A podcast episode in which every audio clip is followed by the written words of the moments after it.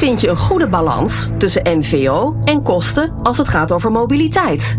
Tijd om slimmer te leasen. In de Slim Leasen podcast praten presentator Volker Tempelman en consultants Elske van de Vliert en Arjos Bot u bij over de laatste ontwikkelingen. Welkom bij de Slim Leasen podcast. Elske en Arjos, welkom. Dankjewel. Dankjewel. Goed dat jullie er zijn. Hoe zijn jullie zelf eigenlijk bezig met uh, mobiliteit, MVO en slimmer leasen? Om met jou te beginnen, Elske. Nou, um, uh, ja, ik kan wel zeggen dat ik niks anders doe. Ik eet, leef en slaap groener en schoner en slimmer rijden. Um, en um, zelf, uiteraard, heb ik een auto op groen gas. Ik probeer veel van het uh, openbaar vervoer gebruik te maken, dat soort dingen. En ik probeer, nou ja, andere bedrijven ook te helpen dat te doen en daar praktisch handen en voeten aan te geven. En dat is waar ik me dagelijks mee bezig hou. En hoe zit het met jou, Arjos? Leuk.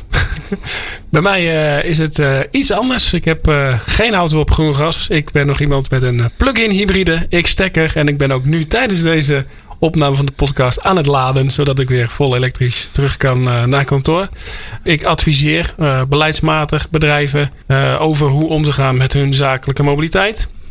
En wat je daar vandaag de dag ziet is dat je een balans zoekt als werkgever tussen de People, Planet, Profit, de drie P's. Mm -hmm. Uh, en ja, dat is erg afhankelijk van waar je als werkgever of onderneming voor staat. Maar de twee belangrijkste thema's waar ik zeg maar vandaag de dag uh, mee bezig ben, dat zijn eigenlijk mobiliteitsregelingen, mobiliteitsbudgetten, waarbij je meerdere vervoersvormen, waaronder ook openbaar vervoer, met andere vervoersvormen zoals een leaseauto kunt combineren.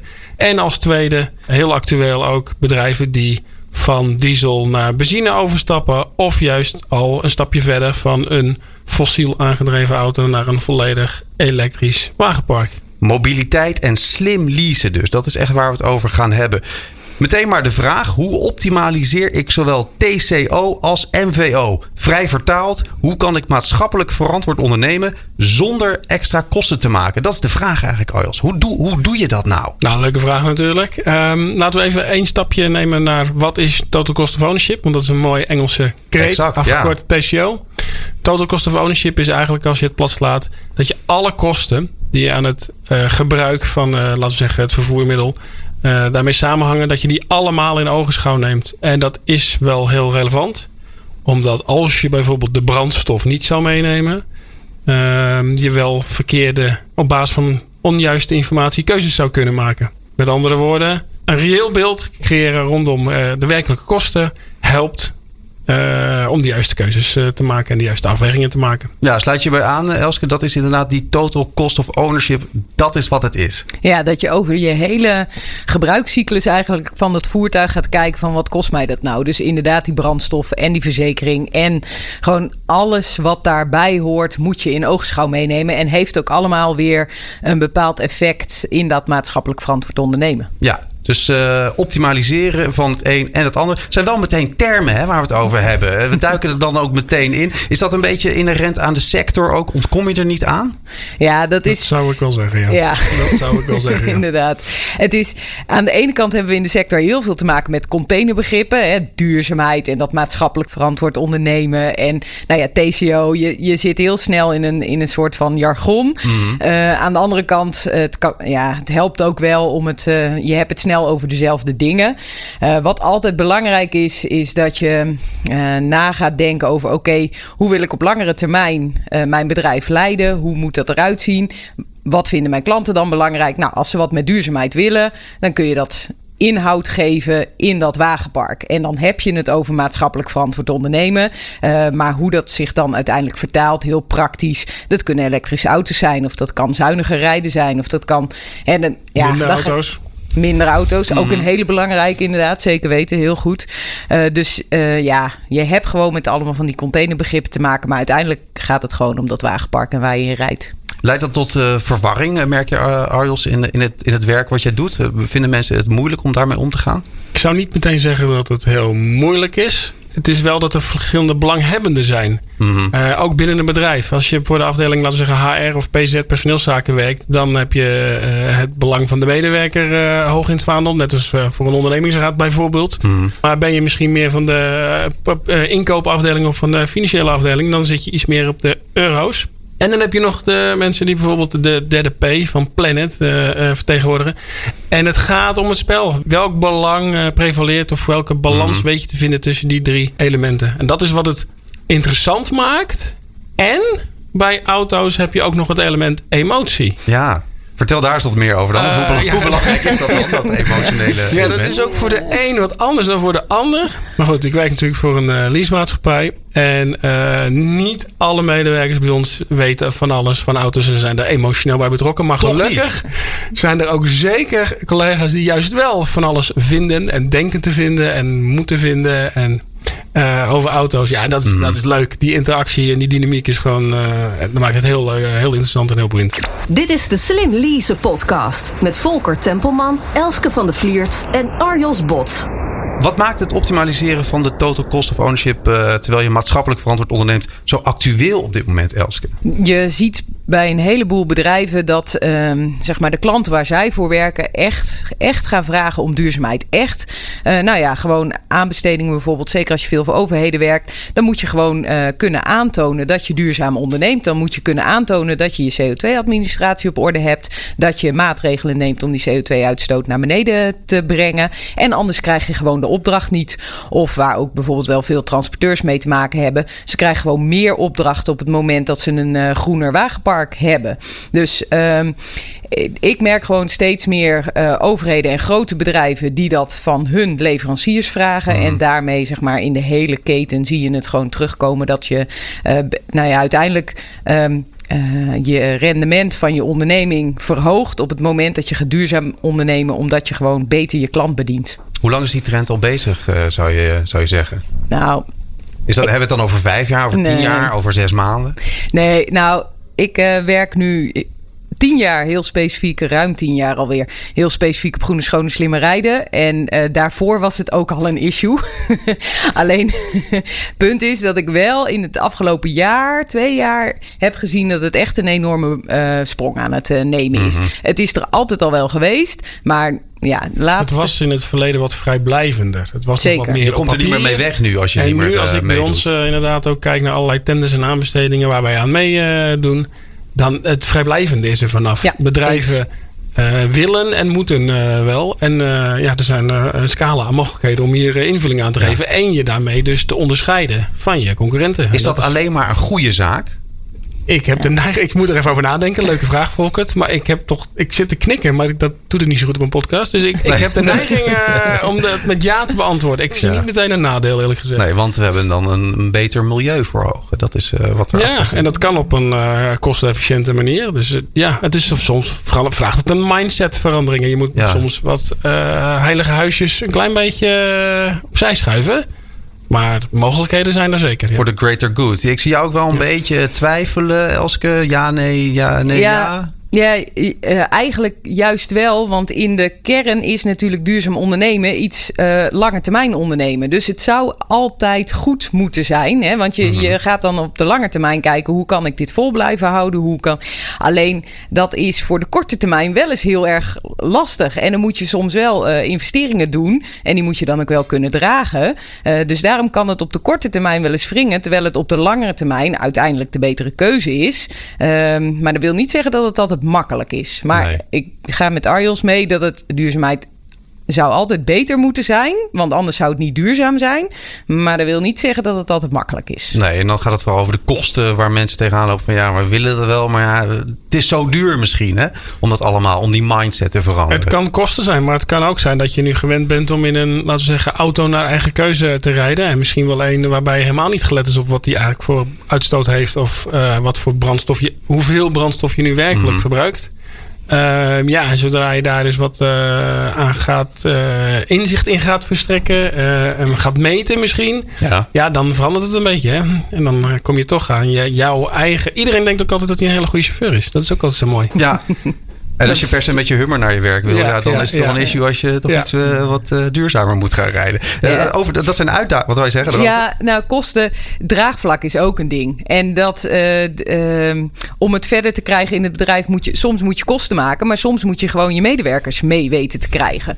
En dat helpt niet altijd om daar een bak geld tegenaan te smijten. En toch moet je die medewerkers meekrijgen, zeg maar. Dus eh, kosten is niet altijd het, het lastige item hierin. Wat zijn dan nog meer wel lastige items? De uitdagingen, de problemen. De- ja, nou ja, de, eh, dat draagvlak. En, en wat ik dan veel bij bedrijven merk, is dat ze gewoon eh, dat ze er wel mee beginnen. Want die klant die roept dat, maar ze hebben geen goed onderliggend idee daarover. In mijn optiek moet elk bedrijf beginnen met waarom vinden we dit nou belangrijk? Wat is onze overtuiging hierin? Waarom is dit relevant voor ons?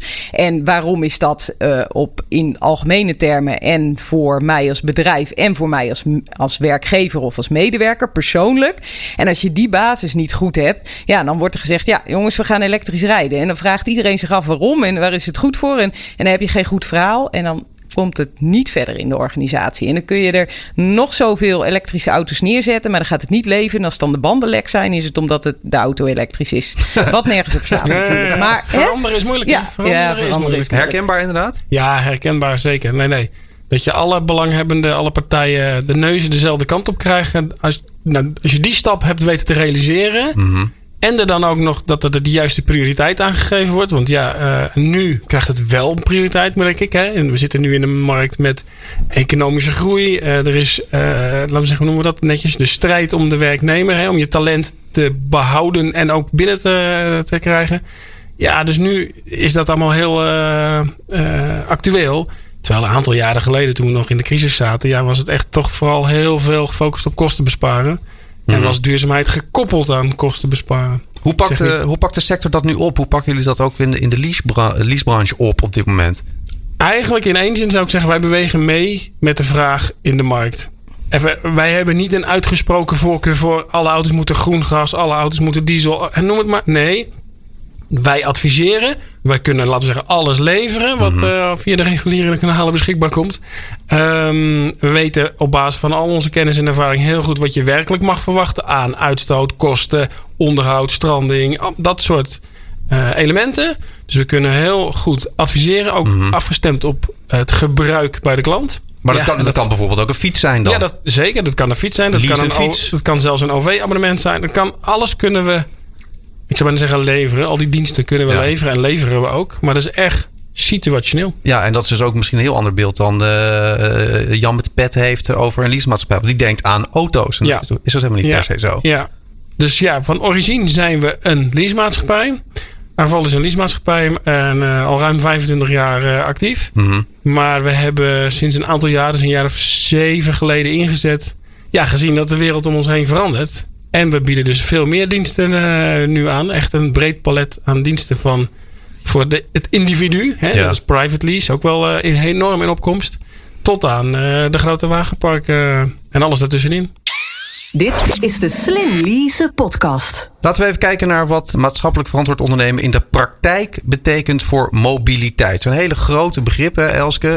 Eh, MVO, eh, in de praktijk, mobiliteit. Ehm, CO2, eh, hoeveel kan die nog omlaag? Eh, en, en in hoeverre is dat, hangt dat direct hiermee samen? Ja, het hangt direct hiermee samen, omdat dat wat je doet met dat wagenpark, met die mobiliteit, dat stoot CO2 uit. Dus eh, als morgen niemand meer zou gaan rijden, nou, dan hebben we ineens een enorme CO2-reductie. Ja. dat wel, alleen dan komt die kaas niet in de winkel en dan komen, komen mensen niet op hun werk. Dus staat de economie stil, schieten we ook niks mee op. Ehm, maar ehm, in mijn optiek hmm, vind ik dat als je als bedrijf echt met duurzaamheid bezig bent en echt zeg maar die stip op die horizon wil zetten, dan moet je uiteindelijk naar nul emissie. Dus mijn doelstelling is ook altijd nul CO2-uitstoot uiteindelijk. Alleen dat is een lange weg die we moeten gaan. Wel ooit haalbaar, denk je? Zeker ooit haalbaar. Zeker ooit haalbaar. Het, het is natuurlijk wel eh, de discussie over hoe definieer je nul emissie eh, precies. Want de auto's moeten ook gemaakt worden. En nou, dat soort dingen allemaal uh, moet je dan ook wel meenemen. Uh, maar ik denk dat we echt wel toe kunnen naar, uh, nou ja, naar die nul emissie uiteindelijk. Ehm, ik denk, nou ja, nee, ik weet dat voor het gemiddelde wagenpark op dit moment 5% is makkelijk haalbaar, 10% is makkelijk haalbaar. Ik kom wagenparken tegen waar 25% nog makkelijk haalbaar is, omdat het echt oude stijl is. Hè. Mm-hmm. Iedereen kreeg een dikke auto, want dat is leuk. Um, maar er zijn ook best wagenparken die al een heel eind zijn en die volledig elektrisch al aan het worden zijn. Ja, mm-hmm. daar, daar, daar zit het in de paar procent wat je dan nog uh, kunt verbeteren. En als je kijkt uh, naar uh, bijvoorbeeld veiligheid, Arjos, ja. is, is, daar iets zinnigs over te zeggen in dit ja, verband? daar is zeker wat zinnigs over te zeggen. Veiligheid is ook een onderdeel natuurlijk van goed werkgeverschap en maatschappelijk verantwoord ondernemen. Um, wat je ziet, waar nu heel veel aandacht naar uitgaat, is zogenaamde rijhulpsystemen. In nieuwe auto's zitten steeds vaker allerlei technologische snufjes en oplossingen die de chauffeur, de bereider moeten helpen om zijn auto, uh, laten we zeggen, tussen de lijnen te houden, mm. netjes te parkeren, uh, afstand te houden tot de voorligger met adaptieve cruise control. Allemaal dat soort systemen. Ook trouwens telematica systemen waarmee je kunt volgen hoe het, de auto of het voertuig daadwerkelijk gebruikt wordt. Ja, dat is echt heel erg in opkomst en daar kun je flink in investeren. En de vraag is nog of dat helemaal loont. Of de investering in die dure vaak zijn dat dure systemen. Of dat daadwerkelijk dan leidt tot meer veiligheid, oftewel minder ongelukken, minder schades. Dus zeg je dat ook omdat het nu natuurlijk nog best vaak misgaat? Je hoort de berichten uit Amerika vaak eh, dat het eh, niet helemaal gaat zoals het moet. Ja, dan denk ik dat je een beetje doelt op autonoom uh, rijden. Ja, klopt. Uh, dat is helemaal iets wat natuurlijk heel erg in ontwikkeling is en waar de experts, zou ik willen zeggen, wel van overtuigd zijn dat dat er komt met wat horten en stoten. En mm. daar zullen nog wat ongelukken voor moeten, laten we zeggen, gebeuren in de testfase. Maar ja, ik geloof ook, ik ben echt van overtuigd dat over een aantal jaren, van mm. hoe snel dat gaat, mm. als, als in Nederland, als je toch de, de, de, naar, de, naar de verouderde de vergrijzing kijkt, naar die populatie mensen, als die straks minder mobiel worden zelf. En ze kunnen in een autonome auto stappen om toch naar hun kleinkinderen te gaan. Of naar hun, ik weet het niet, ik stereotype, maar bridgeafspraak, ja. wat ja. dan ook. Uh, ja, ze hebben geld en behoefte en zijn gewend om altijd vrij te reizen. Ja, dat, dat, mm -hmm. dat, geloof ik in. En zeker ook nog als je dan als werkgever zo'n auto ter beschikking kunt stellen aan je werknemer, zodat hij kan doorwerken tijdens het uh, verplaatsen. ja, ja, ja. Ja, dan denk ik dat die business case vrij snel uh, rondkomt. Maar die overgang, die wordt heel spannend. Elske, ja. ja. Eh, jij wil erop inhaken? Ja, want uh, uh, ja, er gaat nog wel eens wat fout met autonoom rijdende auto's. Maar mm. het is natuurlijk wel zo dat we zeker weten dat we doden houden als we alleen mensen verantwoordelijk maken. Want dat is altijd al gaande, zeg maar. Hè? Ja. er, er vallen nu doden in het verkeer. Dus uiteindelijk uh, zal dat autonoom rijden het wel een heel stuk veiliger maken. Ook al hoor je dan nu nog dat het soms misgaat. En moet dat natuurlijk voorkomen worden. Dat is simpel zat. Maar we weten in ieder geval zeker dat je als je je uh, alleen mensen achter het stuur zet, het niet altijd goed gaat. En dat hoor ik ook heel vaak met: ja, maar, ja, maar elektrisch rijden, dat is ook niet helemaal zaligmakend. Nee. nee, dat klopt. Elektrisch rijden is niet helemaal zaligmakend. Maar benzine- en dieselrijden is in ieder geval niet zaligmakend. Dus we gaan naar een beter systeem en uiteindelijk naar een supergoed systeem, zeg maar. Misschien wel een perfect systeem. Maar dat er nu nog dingen niet optimaal zijn, dat klopt. Maar wat we hebben is ook niet optimaal. En dat zien niet, niet altijd alle mensen. Zijn jullie het er samen over eens dat uh, de mobiliteitssector eigenlijk heel erg in ontwikkeling is, heel erg vooruit gaat en dat we helemaal niet uh, wel, inzicht ja. hebben in waar dat eigenlijk heen gaat? Ja, op dit moment zeker. Er, zijn, er, is, er speelt zoveel, er zijn zoveel ontwikkelingen. Uh, ik denk ook dat, ja, ik heb wel eens iemand horen zeggen, ik denk dat er in de komende tien jaar meer verandert dan in de afgelopen twintig jaar. Dat vind ik nog een beetje moeilijk uh, in te schatten. Maar ik, ik heb geen enkele reden om daaraan te twijfelen eigenlijk. Nee. nee. En ja, misschien daarop inhaakt ook nog een stukje over veiligheid. Wat we natuurlijk nu ook met z'n allemaal, allemaal ervaren is die smartphone. Ja. En uh, de aantrekkelijkheid van de smartphone. Zeker om hem in je hand te hebben of in ieder geval te bedienen.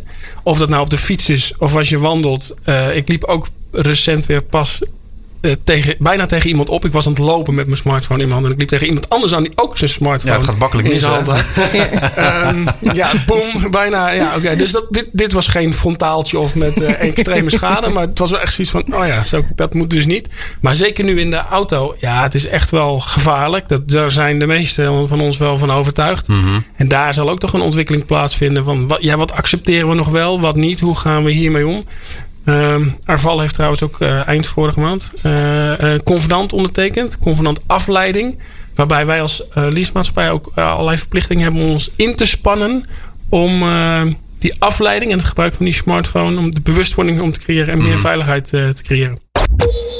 Dit is de Slim Lease podcast. We hebben het dus over uh, het optimaliseren van die total cost of ownership uh, met maatschappelijk verantwoord ondernemen. Hoe komen die, denken jullie, samen in de korte en de langere toekomst uh, van de mobiliteitssector? Is daar op dit moment al iets zinnigs over te zeggen, Elske? Ja, volgens mij kan het een niet zonder het ander. Je zult altijd, zeg maar, als je maatschappelijk verantwoord wil ondernemen, naar die total cost of ownership moeten kijken.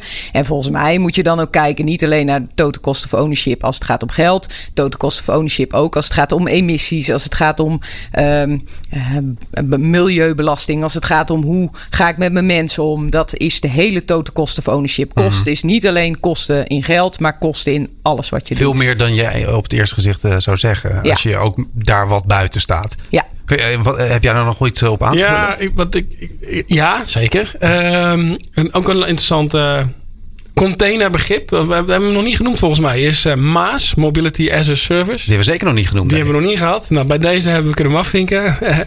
ja, dat is ook iets. Uiteindelijk is, is, is het uh, mobiliteit wordt een dienst of is al een dienst die je op afroep, uh, wanneer het jou uitkomt, in jouw smaakje noem ik het maar, in welke vorm je hem nodig hebt, ja, bestelt. En laten we zeggen voor de deur verschijnt. Mm -hmm. En dat is iets waar we langzaam naartoe bewegen. Maar we zijn natuurlijk al heel ver met de oplossingen die er vandaag de dag zijn. Ja. Waarbij je appjes hebt waarbij je het autogebruik naast OV kunt zetten. Waarbij je agenda al aangeeft wanneer je moet vertrekken. Uh, waarbij je verschillende vervoersvormen. Precies, waar de taxi naast, komt voor, ja, voorrijden via de app. Dus dat, is, dat zijn echt ontwikkelingen die we doormaken. Waarbij je ook kostenneutraal en duurzaam, hè, als je daar aan de knoppen draait, dat kunt inregelen ja, dat is echt de toekomst. Dus over een, ja, wie weet als we hier over vijf jaar weer zitten, Volkert. Hoe we, het dan, uh, hoe we het er dan over hebben. We lopen richting het uh, einde van dit eerste deel van de Slim Lease podcast. Uh, Arjos, um, hoe optimaliseer ik zowel de total cost of ownership als het maatschappelijk verantwoord ondernemen? En dan het brugje naar waar de grootste kansen liggen om kosten te besparen. Voor als je bijvoorbeeld een medewerker bent in een bedrijf en je dat als doel hebt. Ja, dus kosten besparen. Um, zou ik zeggen, is, is twee belangrijke dingen kosten is natuurlijk uh, het zo efficiënt mogelijk gebruiken en inzetten van je wagenpark. Oké. Maar als we nu praktisch kijken naar de, wat er vandaag de dag op korte termijn kan, is het toch al de keuze van uh, vervoersmiddel, specifiek dan de auto. Uh, veel bedrijven kiezen nog traditioneel voor lease of benzine en weten helemaal niet wat de kosten zijn. De maandkosten, total cost of ownership van een volledig elektrische auto mm. of een ander duurzaam alternatief zoals groen gas. Um, het is wel natuurlijk als je daar aan gaat, aan die knoppen gaat draaien als werkgever, uh, kan dat op uh, weerstand stuiten. Ja. Uh, dat is een, een bruggetje waar je wel iets mee moet. Iets waar je wel iets mee moet. Ja, precies. en daar had jij het eerder inderdaad al over. Elske, heb jij daar ja, concrete oplossingen voor hoe je dan met die weerstand omgaat?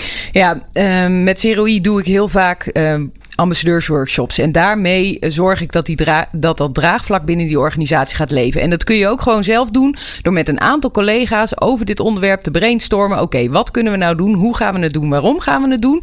En die collega's weer dit verder proberen te laten dragen in de organisatie. En zo elkaar en met z'n allen verantwoordelijk uh, te zijn.